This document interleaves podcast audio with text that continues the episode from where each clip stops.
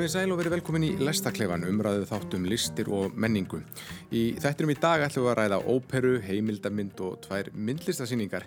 Við byrjum í þjóðleikúsinu þar sem Íslenska óperan setur upp brúðköp Fíkarás, stökkum svo beint í djúbulauðina og ræðum heimildamindina KAF sem fjallar um ungbarnasundkenslu í Moselsbæ, en endum þáttin í Hafnafyrði og ræðum þar síningarnar allt á sama tíma og fangelsi sem voru opnar í Hafnaborga á dögunum.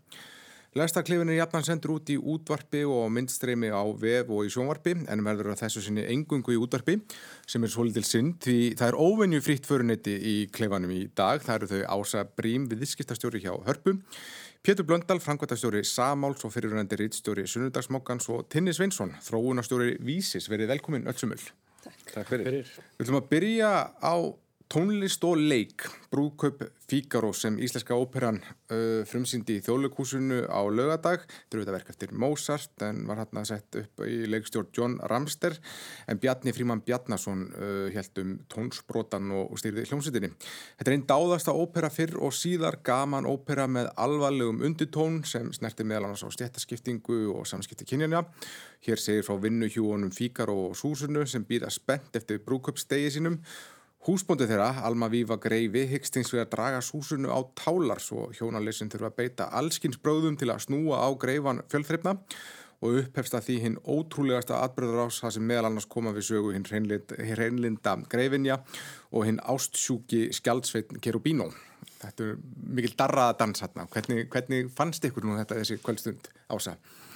Ég skemmti verið konunglega. Mér fannst bara alveg opbóðslega gaman og mér finnst gaman að sjá það er doldið margir ungir eða svona sem ég hef ekki séð áður margir söngvarar sem ég hef ekki séð áður til sem ég fannst sérstaklega gaman að sjá mm. og hérna já, óperin er þarna í þjóðleikusun en ekki í mínu, mín, í mínu húsi í Hörpu sem að er náttúrulega mér þykir svolítil synd en ég hafði samt mjög gaman að því að sjá þetta á sviði þjóðleikusins verði að segja. Já, það er býst að skotelt verk uh, hvernig skemmtið þú er, Pétur?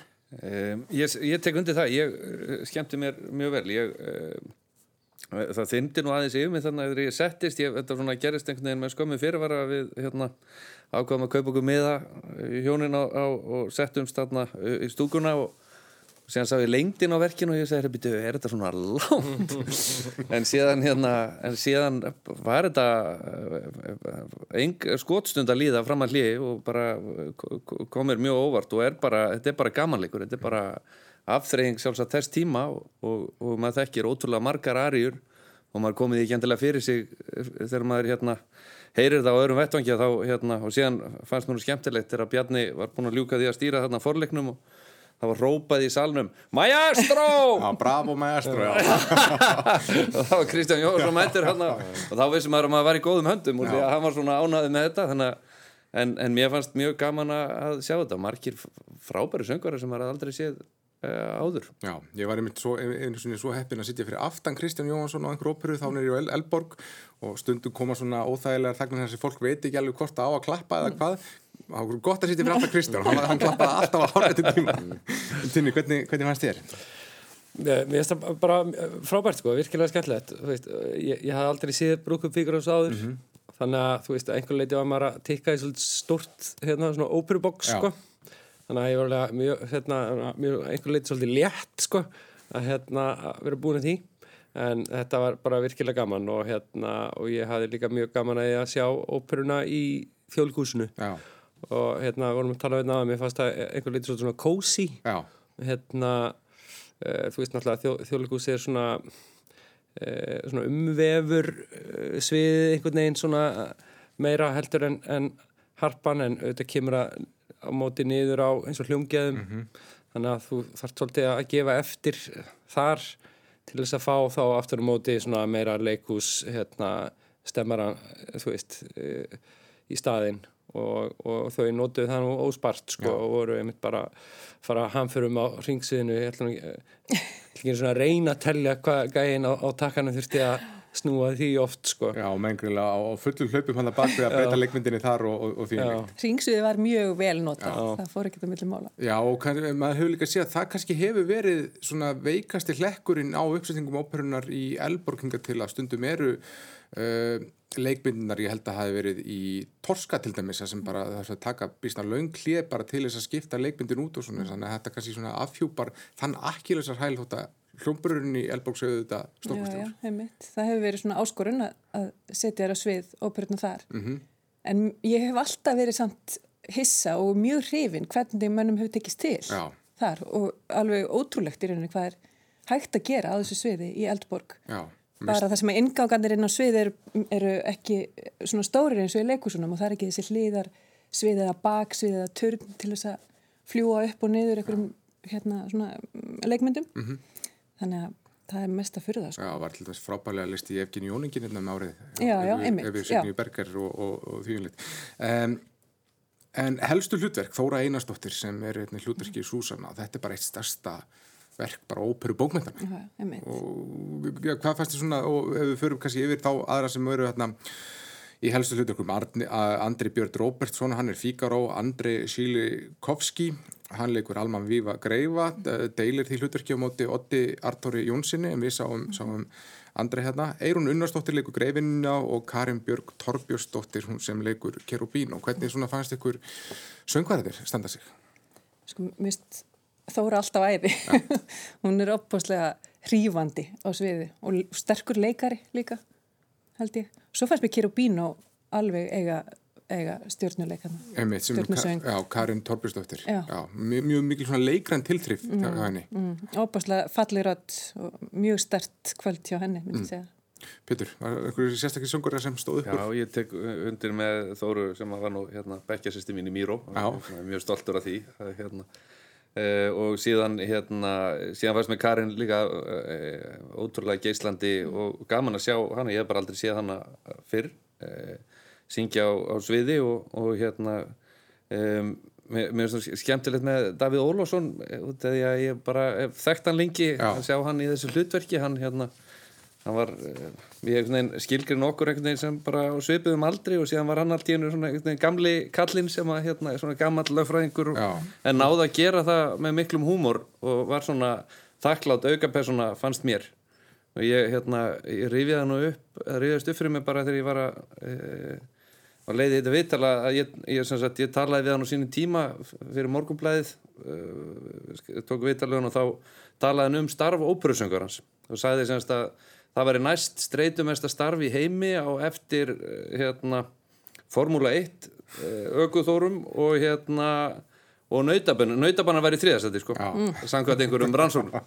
Hann var aldrei stoltur af því. Var hérna, það voru söngvar og bar með tauga áfalls, þetta var svona einhver tónleikaröð en, en mér fannst hann mjög, eh, mjög skemmtilegur og mér fannst, eh, og síðan er Andri Björn uh, í hlutverki Fíkarós uh, fannst mér algjörlega frábær. Já, og ég, ég naut þess að ég var með tengda pappa við hliðin á mér sko sem er hérna mentaður gljónstastjóri og svona viðfæðma þekking á tónlistan. Ég svona gæt borið undir hann meðan ég var að hlusta hvort það var ekki örglega rétt þetta var nú, þeir var að standa sér velsöngur og hann var mjög ánæður með þetta. Þannig að mér, mér finnst ég svona það fylgdi mér meira öryggi að geta sagt það. Mér fannst leikararnir standa sér mjög vel. Já, flottu baritótt hann, hann, hann Andri. Og myndum við svolítið svona á, á Benedikt Cumberbatch Batch, svona á Já, líkin á hann að Tinni, varst þú svona hrifin af einhverjum sérstökum? Já, það, það er hún hérna Karin Kerubino, þú veist, hún svona stóð upp úr fannst mér, eða þú veist, fyrir mig bara persónulega. Já. en þú veist, uh, að samaskapi þá voru Andri og Þóra alveg svakalega solid, sko.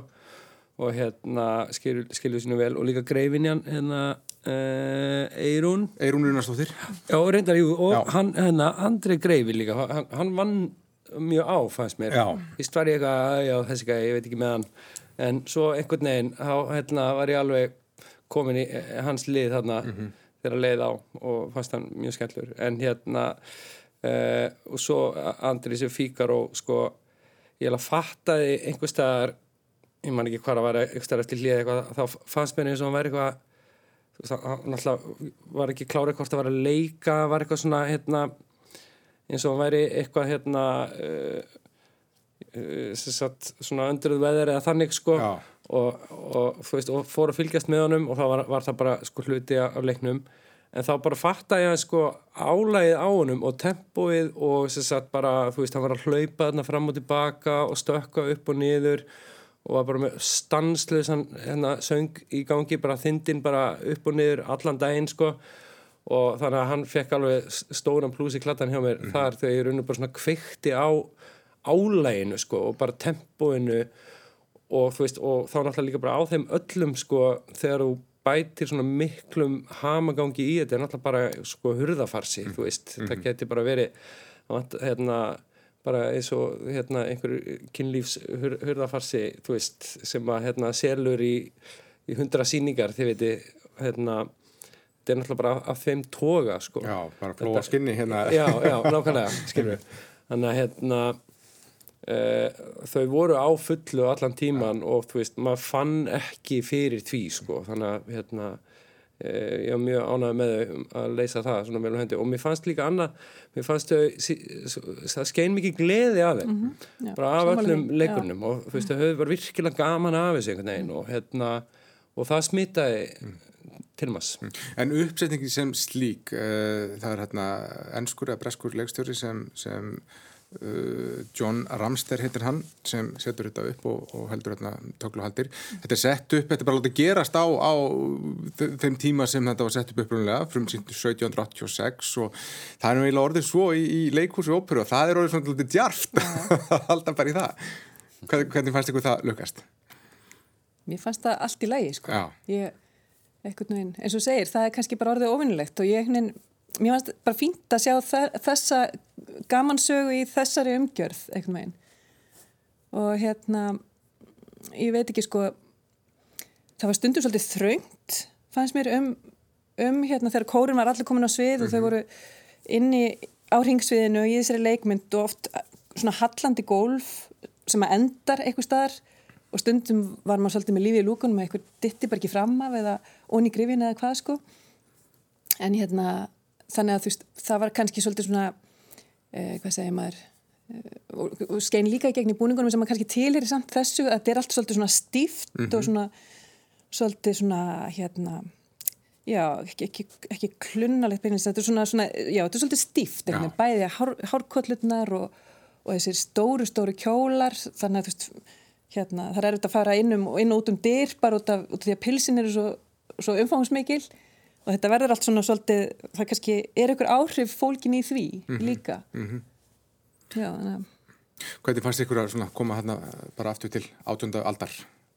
Mér fannst, eh, mér fannst þetta bara skemmtilegu uh, síning og skemmtilegu rammi og mér finnst, mér finnst nú margt fyrirgefast svona Mena, þetta var ekkert mér finnst þetta ekkert óaðfinnarlegt þannig í leikmynd mm -hmm. eða, eða um, e, framsetningu en, en þetta er auðvitað ópera sko, er, það er auðvitað tónlistin sem að e, er í fyrirrúmi í óperum og, og hérna og mér finnst allir, e, til og með söngvarnir fá svona tækifæri bara til þess að skína. Þó að þetta væri svona á köplum svona, ég held að Ríkar Rörd Pálsson hafi notað orðið hérna, flöym, ósa, flóa, sprikl sem er þá eitthvað svona revíu farsi vandarlega með, hérna, með hans orðarlegi en, en en, eh, en, en mér finnst þetta bara að ganga upp og vera mjög skemmtileg aftreying mm -hmm. Ég ætla að segja sko, ég er eiginlega samanlæðið með að þú veist það er bara einmitt þetta er svona nánast sko djart að, að keira bara gamla skólan Já. áfram. Uh, en veist, ég hefði viljað sjá eitthvað nútíma teik á þessu, ég veit ekki hvort maður er bara svona skilurtur sko eftir að við erum búin að sjá allar hérna Shakespeare síningarnar eftir hann hérna Ástralin hérna Emmitt og, og, og svo Ríkard Þrið núna daginn og eitthvað þú veist þannig að ég hefði viljað sjá þú veist e e e einhvers konar þannig e, hérna staðfæslu mm. þú mhm. veist ég hefði haft gaman að því þú veist og hérna ég fannst í raun og veru veist, ég skil alveg hvað verður að gera þú veist, aftur, þú veist, þetta er nýleikusinu og svona cozy og það er old school og, og hérna, gamli, hérna gamli skólinn bara tekin á þetta og það er bara lína sem er kert eftir en, en mér fannst það í raun og ekkert gera neitt fyrir neitt, sko, mm. veist, ég hefði frekka vilja sjá eitthvað, mm. smátek Já, þetta er, þetta er gaman ópera og sínum tíma var hún uh, var mjög umdilt á sín tíma því að þarna var verið að spyrja bara spurninga um, um að setja spurningamerki við forréttindi aðalsins og það kannski fer fyrir ofan garð og neðan í þessari uppfæslu, þetta er bara svona meira svona, þetta verður miklu meiri komedía þegar þú horfir á þetta svona bara langt í Já. baksinspeilin. Ég held að sé rétt hjá þér sko. Og þetta var svolítið þannig upplifin fyrir mig. Mér fannst þetta mjög skemmtileg kvöldstund. Ég skemmti mig konunglega. Mér fannst þetta æðislegt sko. Og f- náttúrulega þessi dásamlega tónlist og þau sem stóðu sig alls svo vel. Þannig að þetta kvöld gaf mér alveg heil mikið. En kannski ekki með þetta sem þú ert að, að tala um sko. Saknar þess, saknar svona brottsins úr, úr verkinu Pétur eða? Það eh, hefði örgla mátt eh, íta meira undir hann og, og um, ma- mann skildist nú svona á uh, bakgrunnum að, sem sagt, að byrja sem leikrit og þar er í raun uh, og það verkið sem sagt, það leikrit er bannað á, á sínum tíma uh, en, eh, en hérna óperan er síðan svona hún þá er fókusun tekin aðeins af þessari stjætta þessari gaggrinn og aðalinn og sett meira í svona kynjar jafnbreytis uh, farsan í raun sko.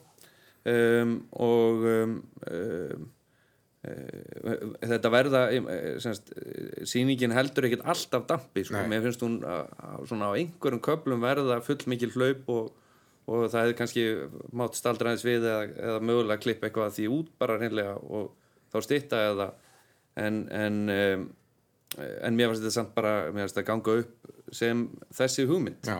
af, af framsetningu bara að, að skemmta áhörundum á óperu sko. þetta getur bara verið skemmtileg kvöldstund og, og síðan er eh, bara reynd uh, indisleg tónlist. Nú nákvæmlega. það er ekki verra. eins og tinni nefnir að maður verður eiginlega að tekja þetta með sko, þetta er verk sem hefur verið sett núna upp á 15 ára fresti, þetta er þriðja sinn sem Íslenska óperan setur upp brúkup Fíkarós og, og það eru komnar alveg upp heilu kynnslóðir sem hafa kannski ekki fengið að kynnast þessu á sviði.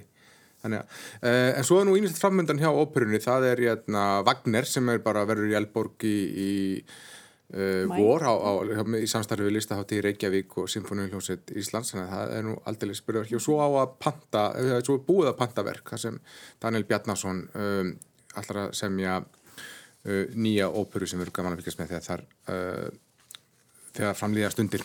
En svo sé bara ágætist kvöldstund í, í þjóðleikhúsinu á lögadaginn síðasta. Við skulum fara, um, skulum vinda kvæð okkur í kross og tala þessum heimildarmyndina KAF sem sýndir í Bíó Paradís nú um myndir. Þar fylgist við með Snorra Magnúsinni sem hefur kent ungbarnasund í sundlöginni í Skálatúni í Moselsbæ í hartnær 30 ár. Það eru þrýr leikstjórar skráðið fyrir myndinni, það eru Hanna Björk, Björk Valsdóttir, Anna Rún Tryggvadóttir og Elín Hansdóttir. Um, það er erfitt að gera kannski vonda mynd úr jafn fallegum efni við. Þetta er óbúslega ung, unga bönn í, í sundi. Þetta, er- þetta, er, bara, þetta er algjörlega dásanlegt að þýliti. Hvernig fannst ykkur? ég, ég held að það alveg verið hægt að klúra þessum efni við sko. ég, mér, mér fannst þetta algjörst aukkonfekt þessi mynd og, og svona jákvæðni sprengja eiginlega inn í hverstaginn og, og, og eh, gaman að, veist, ekki, það þarf ekki alltaf eh, eitthvað svona eitthvað neikvætt að gerast til þess að, að menn ákveða að gera bíómynd heldur, heldur þannig er bara búin til er, e, myndum mjög fallegt konsept og, og mér finnst nú foröld að sjá það er hansi margir e, leikara sem fá þarna e, svona, sem verður fyrst getið á IMDb og áður en það verða einsás Já. það er gaman að fylgjast með þeim í framtíðinni. Það er alltaf eftir svoluna verðt að Já. fann nafni sýta við IMDb En já, það er hérna sko, eiginlega, ég kom alveg blankur inn sko í hérna bíósalinn og tvent svona sem ég kannski áttaði mikið á. Einmitt, annars vegar sko hvað, einmitt, unga börnin verða mikla stjörnur sko og þú veist, það er hérna nok, nok, nokkur hérna sem maður er bara farin að kannast við og, og svona þekkja típurnar og Sterkir karakter já, já, veist, kom bara svona sterkir karakterar úr einhverjum algjörum kvítvóðungum sko, og hérna sem að, þú veist, einhver leiti þarf smá þú veist, það er smá kunst að ná því fram. Og hérna, og svo er það hann sjálfur, sko, hann Snorri. Já, og, og hann er náttúrulega bara nógu mikill karakter til að bera uppi svona mynd. Já. og þau, þú veist, gera það náttúrulega bara líka vel, sko, hvernig þau tala við hann og og þú veist, auðvitað er þetta einhvern veginn svolítið einhlega, þú veist, portrétt, þú veist, þetta er mjög jákvætt allt saman, en allt er góð með það og það máli verða það. Og hérna en þú veist, mér fannst þau fara gera það vel og þú veist, gaman að heyra einmitt hérna eins og mér varst einn kostuleg hliðasaga þar á þessum hérna sundkennaranum á Akranissi og, og eitthvað svona dótari sem að, sem að stutti mjög vel undir viðfóðsefni og hérna hún bara, já, bara hérna bara mjög solid mynd sko sem alveg frá aðtilu og, mm. og bara virkilega ánægileg Já, þe- Þekktuð eitthvað til, hafið þið farið með börnin ykkar í, í, í svona sundtíma eða? Já, reyndar. Já, einmitt til hans já, þannig að þú, þú svona hefur kannast við því að Já, svolítið sko, það er svolítið langt síðan reyndar en hérna en ég man alveg þegar ég var að, hugsa um þetta á sínum tíma að þá voru fleiri og aðrir heldur en hann að, að kenna þetta eða með svona tíma. En hann var svona aðal. Veist, hann var svona vitringurinn í, á, á, á markaðunum eða á sviðinu Já. sko. Og hérna og hann er greinilega bara, hann er mjög svona hérna, þetta er ósælega hrífandi, það er svona mjög inspirerandi að, að sjá hann og hann er svo, hann er svo gangtekin af þessu sjálfur, þetta er bara er, er grein svo köllun fyrir hann sko, að, að sinna þessu, svo er hann svo heyrði ég viðtal við hann síðar og þá kom fram að hann væri hann væri onni löginni 6 daga vikunar í 35 klukktíma á hverjum degi. Þannig að þetta er absúrt að hugsa til þess að vera hún í vatni svona ótrúlega stóran part af árin hann er búin að vera að gera þetta í hvað það eru 30 ár Eh, 28 ár, já, já, já. Þannig að að maður bara veldi fyrir sig bara áhrifin sem það hefur á bara verið húðina. En, en þetta er ótrúlega sérstakur karakter, hann er svona Mjög einhvern veginn blíður, næmur, einhvern veginn svona óvinnlegt að sjá mjög, svona nærgreinlega mjög góðum tengingum uh, við, um, við, við börnin og svo gefur hann alveg óhrætt að vera að gefa frá sér þessi skrítnu búkljóð einhvern veginn þegar svona og, og maður sem einhvern veginn svona, já, er í greinlega góðum tengslu við sig. Finnst, finnst bara ekkert mál að fara út fyrir þægindraman Já, ég var einmitt með tvö börn hjá honum sem leiðis og það var bara indislegar svona samveru stundir sem að maður fekk út úr því. Og ég spurði hún að dóttu mína eh, eftir að hafa, þegar hún sóttu mig á hérna, í bíó hvort að hún myndi eitthvað eftir því að hafa fa- verið hjá honum og hún myndi nú ekki eftir því. En, en, en það kom nú, þetta var nú svo sem kom nú fram þarna í myndinni að, að minnið minningin einhvern veginn líka minn gemdi minninguna. Það, var, það var einhver sérfræðingurinn þarna sem að, sem að sagði það. Um, og, og uh, þau, svona, þau fara í ýmsar áttir út frá svona þessum ramma sem er þessi svona, þetta ringleika hús þarna sem að er þessi sundlaug. Já, og, og, og, margar svona skemmtilegar áhugaverðar hliðasögur í því eins og eru fara svona að velta fyrir sér líka fóstrum og, og hvernig hérna eru, eru bara fyrir sér hvernig meðtaka börn þetta og fóstur sem sagt ef að móðurinn er döpur að þá, þá smitast það einhvern veginn yfir í, yfir í fóstrið sem að ég hafði svo sem ekkert eh, hugsað um sko en, en ég vissi eins og var að, að Haraldur föðubróður minn hann held ég alltaf fram að hann myndi eftir sér í móðukviði já. hérna. ég veit aldrei leitt mér að efast um En það komur líka svona skemmtilega hliðar svo dæmis það að hann á tvíburabróður og það er rætt við hann og það komur svona, mjög svona skondin saða sem bróður hans er að rifja upp sundkennslu og hvað slíkt og, og hérna, komur svona mjög fyndin augnablik líka. Já, mér sko, mér varst líka að gegja þegar að týparu bróður hans var að skjóta á hann um hvað var leiðilegt að synda.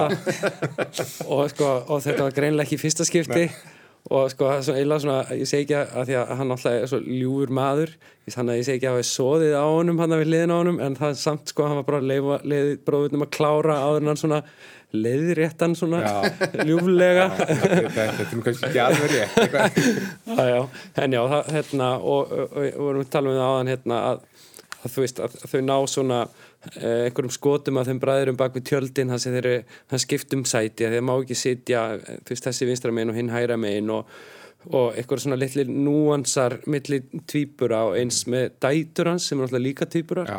og hvernig það kom eitt svona skot að þeim þar sem það er svona flikka hárinni til á nákvæmlega sama hátt sko og höfuði til hliðar einhvern veginn á sömu sekundinni Já, þannig að það var alls konar svona lítil litli dítelari í þessari mynd líka Já. en ég var að nefna eitt sko að því við að tala um hérna uh, fóstur í móðurkviði Já. og eitthvað að tala um sko að vera í vatni, ég fór um til sund í gær sko Hafði, var ekkert búin að spáði sig þannig en, en mér er svo þægilegt að fara einmitt í kaf og, og þú veist, og svona að synda baksund og eitthvað og svo var ég í gær þá, þá bara hafði hún greinlega, þannig áhrif á mig myndin þannig ég bara, já, ok, þetta er þá bara að því bara, ég er að fíla mig aftur í móður. Þarna kom skýringin. Þannig að það, það þú veist, ég mun væntalega mun að það bara að ég lifu, sko. Já, útlitt myndarinnar, það er Bergsteinn Björgólfsson besti, svona þekktasti kvikmyndutökumæður landsins sem, sem tekur þetta ótrúlega fallega myndefni. En svo eru það þrjár þarna sem leikstýra uh, saman sem er nú líka óvinnulegt, það er Hanna Björk, Anna Rún og, og Elín. Og Hanna Björk er nú svo eina sem er kvikmyndagerðarmæður að upplægi, hina tvær eru uh, myndlistamenn og myndi kannski ber líka þess svolítið vitni að það, það er svona hún er hugsuð, já þetta gera kvikmyndagerðar með það líka en, en svona maður manni, finnst manni koma auga á svona myndlistar elementið Já, hvað? alveg tvímalust og mér varst það eiginlega styrkur myndarinnar hvað hérna þegar að það komi eins og byrjunin bara það sem að það er ekkert verið að segja manni neitt beint maður bara fylgir myndafélina eftir inn í einhvern heim og það er hljóðmyndin líka mm -hmm. sem að ég sá eftir að hérna, eftirklang danska hljómsveitin ábyrða og þá, þá verður til opbúslega sterk hérna, mynd. Þá fær maður mjög sterka tilfinningu fyrir efninu og, og veröldinu sem er verið að kynna manni. Og koma svona stillur svona, svona rammar sem er alveg ótrúlega fallegir inn í myndinu, mér finnst þetta að vera styrkur myndarinnar. Og kannski þá að samaskapi finnst mér ef, að, ef, ef ég get fundið eitthvað aðeins þá fannst mér nú stundum ekki ná að halda þræð, þræði. Mér fannst nú stundum verða svolítið sundurlaus Já. með öllum þessum hliðarsögum sem að hún vekur mjög margar spurningar þessi mynd. Til dæmis bara um þetta fyrirbæri þetta ungbarna sund og bara hvað er, er þar að baki og er þetta týðkast þetta annar staðar eða er þetta einhver fræðigrinn á baku þetta eða hvernig það er.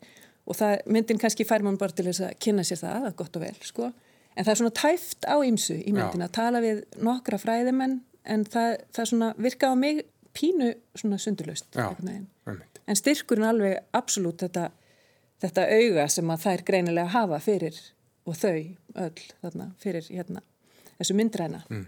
það, Hvað segir þú Pítur? Það, það er sjálfsögum, það er ekkert mjög sterk framvinda.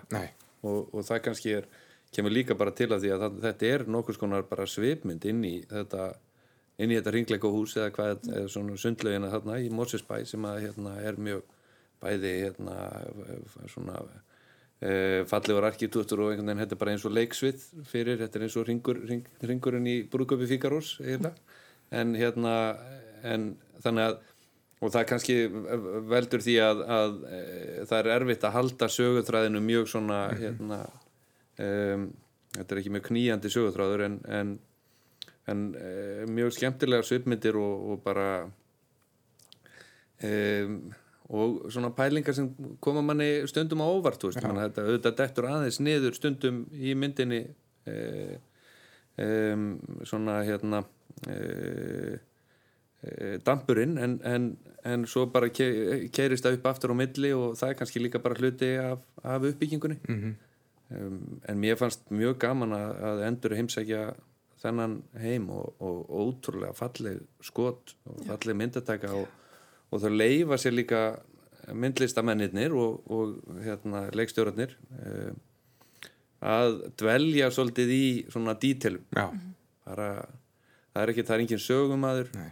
þetta er bara, bara fólk sem að, að segir frá sinni upplifun og síðan bara tala myndirna sínu máli og í raun ferðast maður bara í gegnum eitt svona tíma með snorra sem að það er ótrúlegt hvað maðurinn eh, er, er mikill skemmtikraftur í þessu bæði fyrir börn og, og unga börn og fullorða mm -hmm. maður hugsaði til dæmis að það er þetta viðtölu við nokkra fræði menn en svo koma, koma líka kannski viðtölu við, við foreldra og það kannski helst þá sem svona hægir svolítið á myndinu þegar við förum úr lauginni og, og kannski bara var þeim ofökið og með það að ég mátt þetta myndin aðeins meira eða hvað Jú, jú, ef, eflaust sko, eins og ég segja þannig, hún, einhver liti er þetta svona einhliða portrætt sko og, og, þú veist, nákvæmlega það vakna upp nokkra spurningar hér og þar, þú veist, líka byrjuð að tala um hérna ungbæðarsund í öðrum löndum Já. og öðrum norðurlöndum og eitthvað svona, það var maður forutinn um það og, og eins með, þú veist, mitt, hérna, eh, fræð, fræðmenn eitthvað að pæla og, þú veist, og líka einhverju fólkdrar var að spyrja sig, þú veist, er þetta snemt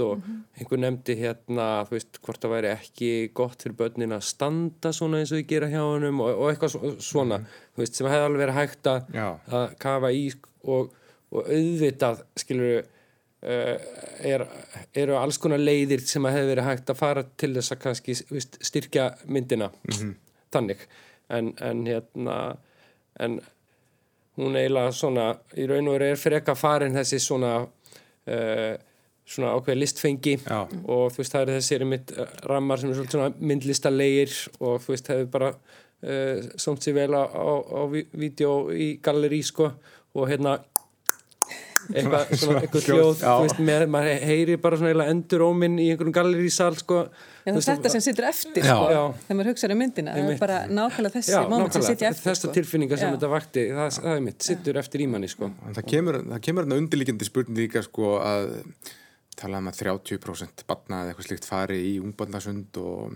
minnir að sé Elín sem, eða það, hvort það sé einhver sem kemur með þá vanga veldur bara hvaða hvort hún hafi allavega komið inn á það í viðtali að bara hvaða áhrif hefur þá kannski á hefur það einhver áhrif á, á þessi börn síðar á lífsleiðinni og eftir 30 ár þá bara, nú bara vill maður einhver líðhelsufræðingur sko bara fari bara í gagnabankan og bara vilja og gera einhverja risastóra tilraun sko. Þannig að það, það, það, það er kannski svona, svona kaf 2 það getur verið svo, svo, svo könnun. Af tvö? 30 ára setna Nei, en sko hérna þetta er náttúrulega svakalega tölur á bakveit á ungbarnsund ég hafði enga veginn átt að með á því. Og bara 7000 krakkar. Já, ekkert smá rennir í af, af krökkum sem fer hann í gegn og ég hugsaði nú líka bara að því nú eru sko hérna náttúruböð og ein, ein aðal útflutningsvaran okkar sko. Þannig og náttúrulega sundlöðarnar okkar líka. Allir sem koma þurfa að fara í sund eða þurfa að fara í einhverja náttúrulög eða eitthvað þú veist. Hérna Húsavík, Geothermal og allt þetta þú veist þannig að einhver leiti spilar þessi mynd ágætlega í það bara svo til að kynna okkur sem sundþjóð sko. Við erum bara, við erum byrjuð bara tvekja mánuða sko. Já, einmitt, þannig að þetta bara nýtist í markastarfi Já. Inspired by Já, Iceland ringi þau bara, ringi Íslandsstofu. Einmitt, þannig að sannlega gullfalleg mynd sem er í, í, í Bíóparadís, nú myndir KAF. Uh, en skulum fara úr sundlauginni í Skálatúni í Moselsbæ söður á Strangutu í Hafnarfyrði nána tildeki í Hafnarborg þar voru opnaðar fyrir skemstu tvær síningar í sikkoru rýminu, allt á sama tíma og fangelsi. Þetta eru ótengdar síningar í sjálfu sér en kallast einhver síður á því þær fjalla um er að segja um frelsið og um helsið.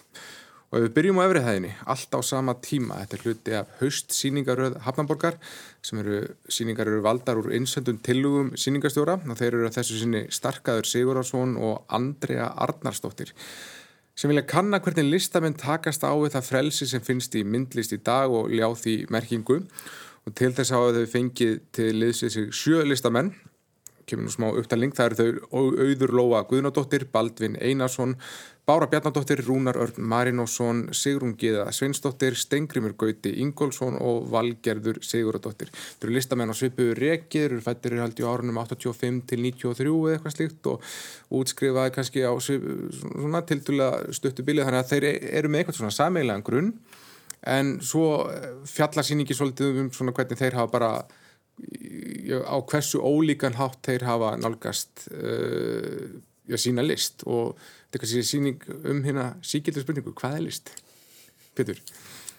Já, þetta eru mjög uh, ólík verk á, á þessari sýningu. Það er mjög gaman að skoða hana þannig og, og, og uh, þegar, þegar velt er upp spurningunni hvað er list að, þá auðvitað hérna, hlýtur að vera klósett á sýningunni. Já, Eh, hérna, svona einhvers konar afturkvart til Duchamp eh, hérna á sínum tíma og, og, og það er hérna einmitt verk sem heitir Kona á klóstinu sem Já. er bara ske- skemmtilegt verk sem er hérna uh, að gera það sem er á að gera á klóstinu sem er að lesa dagblæðið og hérna um, og, og síðan er svona mér, mér fannst það reyndar mjög skemmtileg verk uh, hjá um, uh, uh, þeim ágæta listamanni Valgerður Sigur Val- Valgerður Sigurðardóttir, já, passar. hún hérna var hérna líka með krosskátu sem var á, á, á vegnum sko, sem var svona óutfyllt sko, og maður fór úr svolítið að fylla í.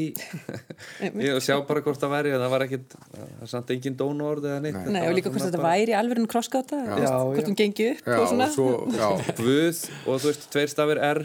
Já, hérna, og maður bara, já ok, þetta er svona krosskátunur hérna. Svo líka þegar maður sá það verk svona álengdar þá veistum að þetta er þetta málverk svo kom maður lengra og sá að þetta var svona steift gifsplata og einmitt, einmitt. þannig að, að eh, ég menna það er, eh, ég held að þetta sé nú mjög víð sp- spurning hvað er list ég held að ég hef nú alltaf verið þeirra skoðunar ef þú, ef þú myndir búa til einhverja ramma um listina þá myndu þá myndi hérna og segja einhverju listamanni þá myndi hann strax stökkva yfir, yfir gerðinguna Já, einmitt. Uh, en, en fenguði, tókst ykkur að ljá merkingu í, í verkinina? Fyrir ykkar leti? Já, pff, ég veit það ekki. Ég var svo sem ekkert eitthvað mikið að pæla í því. Mm. Þannig, en ég var svona, sko, mér finnst rosalega gaman að, fá að sjá verk eftir hérna unga listamenn. Ég er einhvern veginn, einu sinni vissi maður einhvern veginn hvað var að gerast sko hjá Já. nýjútskriðum listamennum og svo einhvern veginn er það ekki alveg þannig en þá sko, mér stýður svona svolítið búin að missa kannski af því þannig að þetta var ágætis leið til þess að fá að sjá hvað er í gangi og svo einmitt út af því að þetta var þetta var svona ólíkt en svo verið ég líka reyna að sjá eitthvað samnefnara og mér fannst ég alveg sjá hann sko. Já. mér fannst ég sjá tengingu á milli verkana þau voru svona bara útlitslega voru þau mjög litrík eða svona ve- allavega vel flest. Voru svona skæri sterkir litir og það, þau voru svona það voru svona æskufjör mjög greinilegt og áþreifanlegt. Þau voru svona það var svona að ég skinniði það allavega, mér fannst það það var eitthvað ferst og, og svona hressilegt og húmor og, og svona já, Já. Svona le leikur í þessu. Já, ég ætlaði að segja sko að að fyrsti mitt þegar ég las hérna bara hverju voru síningstjórar og síðan nöfnin og öllu listamönu og það segja bara, ó nei, nú er ég alveg búin að missa þannig að ég þekki ekki eitt nafnin sko. og svo bara, þú veist, var ég mjög hérna fegin þegar ég sá um þetta, þú veist, bæði sko síningastjórnir og að setja nýjir, sem sagt nýjir í, í, í bransanum síningastjórar að velja, þú veist, unga og nýja listamenn, hann er ég bara hú, hjúkett, ok mér er fyrirgefið, þannig að þá er ég bara er þessi nöfn bara komin á radarinn hjá manni. En, en ég er alveg samanlega því að það var svona mikill leikur í þessu og, og hérna, mjög skemmtileg síning og hérna, þú veist, og hress og einmitt talandi um hana hérna valgerði og krosskátuninnar og, og líka hérna konan á klóstinu og hún er að vinna með einmitt hérna svona keramik Já, og svo var hann hérna Baldvin líka Já. að vinna með keramik, þannig að það er eitthvað nýtt þeng sko, þá sér maður það ungarlið, ok, keramiki komið aftur. Eitthvað svona 70s hérna, komið í ringin og hérna þú veist, og svo sagði ég hjó ég eftir að þau bæði verið eitthvað starfi í Antwerpen sko, þannig að það var eitthvað, ok, þannig að keramiki það er hann í Antwerpen Já. sko, já, já, hvað veit ég það. En ég var einmitt mjög hrifin líka af honum Baldvini sem var með hérna eitthvað svona pælingar um þú veist, eitthvað svona hérna, lífsbeki þú veist, já, hérna, bestur á- allt á ennsku en uh, the, best is, uh, the best advice is not an advice já, eitthvað slíkt, já, sko. já, þú veist besti, þú veist, hérna bestu stigarnir í lífinu er ekki raunverulegir stigar Já, þú veist, einhver aðrir, hérna einhverjar hindranir svo að yfirstíga Já. þú veist, þannig að ma- ég staldra alveg það, það voru alveg nokkrar þetta, þetta er náttúrulega svona Þetta er ekki pínu svona, já, þetta er svona pínu svona já, líka bara svona eins og mýmin sko sem að liði deilir á vegnum á Facebook sko. Já. þetta er náttúrulega, þú veist, ekki það ég vil gera lítið úr verkefninu og hans- baldið sko. En, en þú veist, þetta er samt þannig. Og hérna, þú veist, og stundum nær, nær þetta manni og maður staldra við og hugsa að já, já, býtum við og fyrir eitthvað, hérna, að spegla sjálfa sig í því. Já, og hugsaði jafnvel, sko, þetta geti lítið vel út á, á, í stofunni heima. Já, já, algjörlega, algjörlega. Þetta verður flottur röð hana, heima, heima vegg. Um, Svo koma þarna þetta er einmitt mikið af skúltúrum það er bara einn málari að nærunni sem er, þá það er kannski svo litið óvinnulegt það er hann Stengrimur uh, Gauti Ingólfsson sem sýnir hérna tvö, tvö verk. En svo er þetta verk sem uh, við getum sagt að svona það má kannski segja að steli svo litið sinni. Að það er hérna hún Sigrún Gíða Svinsdóttir sem er mentu óperusönguna og líka myndlistamæður hún sín- sýnir hérna verk sem hérna málaði mig eins og frönsku stelpunar einar Um frábært titill. Já, sem er vísun í, í held ég Titanic, þar sem Kate Winslet segir held að Leonardo DiCaprio. Og þetta eru svo sé svo þetta eru þarna, sjá, þarna er, er mynd varpað á þrjá veggi þar sem standa naktar konur og undir hljómar kvennakór að syngja svona hefðbundi kallakórslög brennið við vitar og. Uh, já, og fyrir skautum hvernana er búið að koma vörum og þar uh, sem, sem syngja Uh, Þetta er eiginlega algjörlega kostilegt verk. Já. Já. Og sko, um leið og labbarinn í Hafnaborg þá heyrur í þeim sko. Þú veist þarna uppi, uppi í hotni og svo ertu einhvern veginn all- allan tíman að lappa upp stigan og skoða hinn verkin og þetta er falið bak við einhverja veggi Já. Og svo loks, ertu loksist komin að þessu hotni og gægist hérna fyrir handan veggin og þá bara boing fyrir þetta, þú veist, hérna sér þetta allt sko. Og náttúrulega eh, sláandi náttúrulega nektin á þeim og náttúrulega þetta með varirnar, þú veist þarna í, í klófinu á konum, þú veist, þannig að hérna, þetta var mjög skemmtilegt. Og þú veist og horfa allar í augun á manni.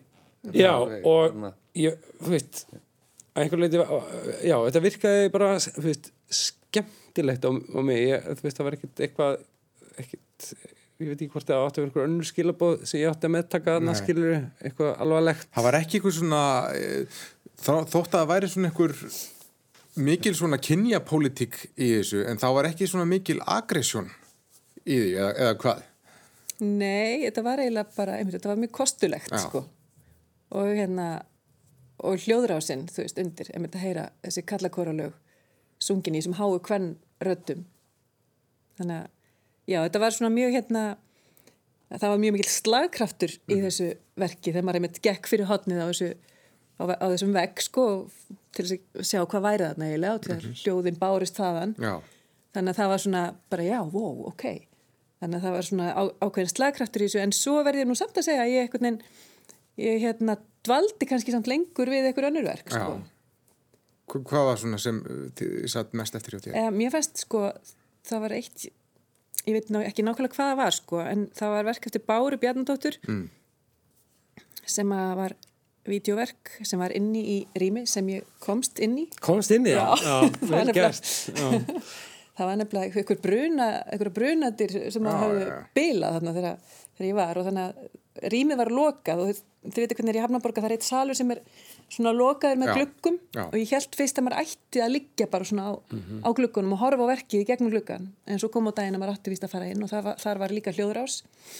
Og það var eftir Báru Bjarnadóttur uh, og það var það, já, og það var hérna vídeoverk Heitar sér dagur ársins held ég Já, einmitt. Og það var svona hérna, ég veit ekki hvernig ég var að lýsa þið, það voru svo þessi sömu sterku litir eins og byrtust víðar á sýningunni, Já, mjög sterkir og fallegir litir af og einhvern veginn úr mjög svona hérna fariðin mjög nálagt uh, hlutum sem að þú ert með í lautarferð. Mat eða, eða dúkur sem þú leggur í jörðina eða grasstráin og það var einhver, eitthvað mjög hrífandi fannst mér við þess að veröld sem að byrtist þar. hún við talaði um það að hún sé að tengja saman svona kannski gömlu kyrralífsmyndirnar af til dæmis hérna, mat til dæmis og svo hvernig, hvernig, hvernig við skrásetjum mat nú til dags bara með Instagram myndum sko. þannig að hún tengir það saman og setur þetta síðan jafnvel inn í eitthvað svona þrývitarlíkun og, og, og því líkt og þetta var nú svona bísna litrík og, og, og svona sterk upplifun Já. Eða, Mér finnst það mjög sniðut sko ég hugsaði líka að, að, að, að þegar þú ert komið einmitt svona uh, þá pælingu að vera að skanna lautaferðina á svona, með svona þrývitafóriti á þann hátt sem að kannski kortagerðamaður skannar bara veist, Ísland Já. að þá ertu komið eitthvað svona vísindilega nálgun á það og það er kannski þá smá ádela á hvernig við erum farin að hafa okkur með að raun og veru að tilfinningin uppi við að skrásetja einhverja indislega stund er hægt að vera eitthvað næs Já. og fari að vera bara mjög svona kalt og vísindalegt, þú veist, vísindaleg skrásetning til þess að koma út þarna á samfélagsmiðluna, þú veist, Akkurat. og fyrir augun og hinnum til og þá aftur að þú veist, að það sé einhvers konar þá eh, ekki sönn, sönn tilfinning á bakveð heldur bara einhver svona einhver leiktjöld Já. Já, þau eru orðin upplifuninni yfirsterkari Já, í rauninni, já. dokumentasjónin. Já, nákvæmlega. Og þú ert bara komin í bara, það er bara eitthvað automatist hlutverk Já. sem skrásetjari fyrir ekkert nefnilega þig Mhm. sjálfa lengur, þú veist. En á neðri hæðinni, þetta er eins og þessi þetta er í aðalsalum henni, þar eru allar þessar frelsispælingar, en á neðri hæðinni, í Sverrisal, er það ekki frelsið, heldur helsið sem ræður ríkjum í sýningunni, á sýningunni Fa- Fangilsi. Þar hafa þær Olga Bergmann og Anna Hallin eða Berghall eins og þær kalla sig. Þar hafa gert eftirmynd af fangaklefa úr fangilsinu á Holmseiði og gesti geta sest þar inn og lokað að sér og reynt, að að setja sig í spór þeirra sem sitja í fangilsi og þetta er nú, nú býsta svona sterk sýning eða hvað? Hvernig, hvernig upplifið þetta, Pétur? Mér, eh, ég passaði mig að, að lesa eh, mér ekkert til um, um þá sýningu áður en ég labbaði þarna inn og, og, og fyrst eh, varð fyrir manni svona fallett fugglalíf og, og, en svona frá e, mjög þröngu sjónarhóttni að vísu en, en um, og síðan e, þegar maður hafði hort á þetta var bara mjög e, áhugavert sjónarhóttn á, á þessa fuggla að þá svona opnaði svona víðari rammi og maður sá hvað maður var stattur og, og hérna það fór um mig svona einhver ónóta tilfinning og hún fylgdi mér í, í gegnum síðan þessa síningu, maður fer hérna inn í inn í herbergi sem að, að hérna um, sem er svona eftirmynd af, af uh, fangaklefa og, og, en, en hún er samt ekki það er ekkert sko raunsætt við hvernig þessi hvernig þessi klefi er, maður áttur sjálf á að þetta er bara uh, maður er bara statur í Hafnaborg en, en, en maður er eitt þarna inni og, og einhvern veginn líður manni bara alls ekki vel þegar dyrnar lokast á eftir manni og, og það er svona, það er aðeins klöfa einhvern veginn út í verulegan fyrir utan og, og maður verður mjög svona augun verða svona hérna áfergju í og maður horfur áfergju á einhvern veginn þá klöfu og bara og ég stóð nú hérna í tölvörðan tíma það fór ekki þessi ónóta tilfellin mér merkilegt eh, hvernig listamennunum tekst að draga þetta fram og síðan áfram á síningunni og, og í raun held ég að, að þetta sé mjög holdt að, að bara átta sig á e, hvað þetta hefur í för með sér svona hérna, þetta hlutskipti mm. sem að, að um, sem að uh, hérna fólk kemst í og sem sagt og kannski eigur skilning á því sem mér finnst oft um, vera takmarkaður bara á því hvaða er uh, mikið yngripi í líf fólks þegar það er lokað inni jáfnvel þó það sé bara í, í mánuð eða, eða tvo mánuði ja. eða, og það er, veginn, það er bara rópað hérna, heyrðu, þetta er ekki nóg, þetta er ekki nóg það þarf að, en síðan þegar maður einhvern veginn upplifir þetta þá, þá mér finnst þau koma tilfinningunni mjög stert til skila ja. þessari ónóta tilfinningu mm. Hvað segir þú Ása?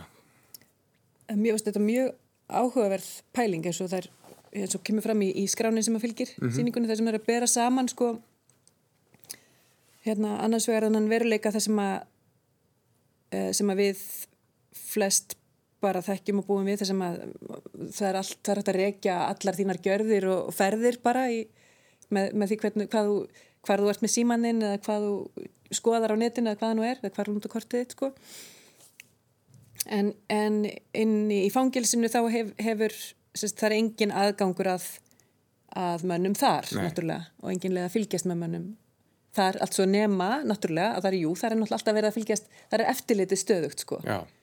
þannig að hérna ég næ líklega ekki koma sér nú vel frá mér núna en hérna það er þessi samanbyrður á, á þessu svona þessum, þessum ólíku veruleikum. Já og hérna og kannski líka með þessi þversök sem er í fólkinni því að, að við sjáum það hérna á Vesturlöndu til dæmis að þeir sem eh, vilja upplifa sér frjálsa, þeir fara svona off the grid eins og kallar á ennsku, vilja bara koma sér undan eftirlitsamfélaginu og, og, já, já, og þegar þú ferði í fangilsi þá ertu sannlega off the grid sko. Þannig að það er, er þversöknin í frelsinu og helsinu Já, mér finnst þetta mjög nefnilega áhugavert að stilla þessu svona saman sko. Og hérna, og svo, svo fyndi þegar maður gengur inn í salin og það er þessi, þessi, hérna, þessi myndir af, af fugglónum og þeir eru náttúrulega bara þarna grunlusir og vita ekki að það verður að fylgjast með þeim. Og svo er allir komin sko, inn í eitthvað svona hérna, hreyðurhús það sem eru litlir ungar og, og þetta er næstu sko, eins og maður sé hérna, komin inn í eitthvað prívatlíf sko, eitthvað neina, þetta er svona, þetta er svona hún, er, hún vekur alveg mjög sterk viðbröð þessi síning sko, hún gerir það. Já, Tinni. Já, mér er samanlega því hérna einmitt fyrirfram þá var ég búin að skoða þennan texta um samanburðin á fangilsinu þar sem að eftirlitir stöðugt en er í höndum yfirvaldsins versus, og, þú, og þú veist að það verða að fylgjast með já, og veist að það verða að fylgjast með þér versus heim, heiminun okkar hérna úti þar sem eftirlitið er stöðugt en þú veist það er bara einhvern veginn í á miljón höndum, þú veist. maður steinir myndavölin að sjálfum sér. já, og líka bara bankarnir eða, eða þú veist hérna Zuckerberg eða einhverju aðrir. Uh, og einhvern veginn og þá fyrir líka að hugsa sko, já, sko að eini staðurinn það sem losnar við það þú veist, er einmitt inn í fangilsinu uh, og, og, og þú veist, ég hef alveg upplegað það að, að hérna, þú veist, að komast í frí þú veist, einhverja hérna, brettaferð með félugunum upp í fjöll, það sem er rosalega eftirsóknarvert að það er ekki símasamband og er ekki netsamband. Og þá líka bara getur þú sagt við þessu bara vinnuna neðar ekki hægt að ná í mig veist, þegar ég er þarna. Og þá allt í hennu áttar maður sig á því að byrjunum við þetta er kannski orðin bara hérna, er orðin gæði í okkar samfélagi að, að set, komast off the grid og, og þurfu ekki að búa upp í skói sko, eins og sem, ég gera. En, en þú veist bara komast frá. Og þannig að ég hugsa, já, ok, byttum við og fangelsi eitthvað, hm, hm, hm. En síðan er mitt kemur inn í, en, inn í svona klefa og ég nefnilega fekk líka svona svakalega ónóta tilfinningu því ég labbaði þarna inn. Þannig að sé maður já, ok, þetta er nú kannski ekki frí eins og sækist eftir. En allavega það, það, það, ég, og ég bjóst enga veginn við því sko, ég sá hann að klefa, já, en sniðu, þetta er svona eftir mynd að klefa, ha, ha, ha, ég labba bara hinga inn og þá bara, bara um leið þá heldist yfir mig eitthvað svona ónóta tilfinning og, og ég byrja bara að hugsa, ok, gæti ég bara búið hér og svo er þessi litli glukki hérna og þannig er það sem að einhver myndi fylgjast með mér og, og ég en creepy og allt þetta, þannig að það alveg svinvirka á mig sko. Já, ég tek undir þetta, ég var svona, var efins um að þetta væri hægt að einhvern veginn fanga hugmyndinu um frelsisvistingu án þess að bara raunverulega frelsisvista manna þetta er svo eitthvað óræð hugmynd einhvern veginn fyrir hún verður fyrir henni en, en maður fylgti sannarlega ónundar tilfengu á, á þessari síningu en við komumst í miður ekki lengra í dag við aldrei geta, getum rætt þetta áfram. Kæra þakki fyrir komuna Tinni Sveinsson, Petur Blöndal og Ása Brím. Læstaklefnum lókið að sinni, við verum aftur hér að vikuliðinni, við erum sæl